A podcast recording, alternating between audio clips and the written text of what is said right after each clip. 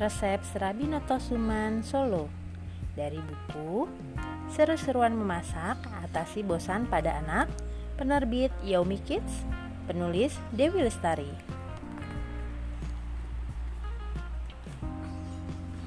Manfaat memasak serabi noto suman Solo 1.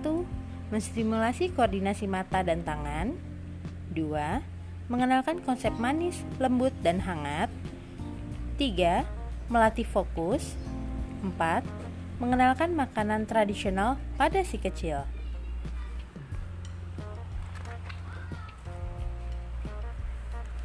Bahan-bahannya adalah 300 ml santan kental atau 2 piece santan instan kecil ditambah 250 ml air 100 gram tepung beras 1 sendok makan tepung terigu 1 sendok teh ragi instan atau vermipan, seperempat sendok teh soda kue, seperempat sendok teh garam, 2 sendok makan gula pasir, 1 lembar daun pandan ikat, daun pisang untuk membungkus, ini opsional.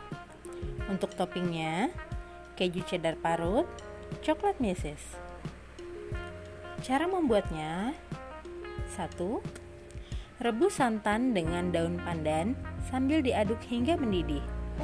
Diamkan santan hingga hangat suam-suam kuku. Perlahan ambil 50 ml kani atau santan kental paling atas. 2. Biarkan si kecil mencampur semua bahan kering ke dalam wadah. Aduk adonan hingga rata. 3 Tuang santan yang sudah hangat ke dalam adonan kering dengan perlahan. Pastikan adonan tercampur rata dan tidak ada yang menggumpal ya bunda. 4. Diamkan adonan kurang lebih 1 jam hingga berbuih. 5. Panaskan wajan cepung dengan api sangat kecil.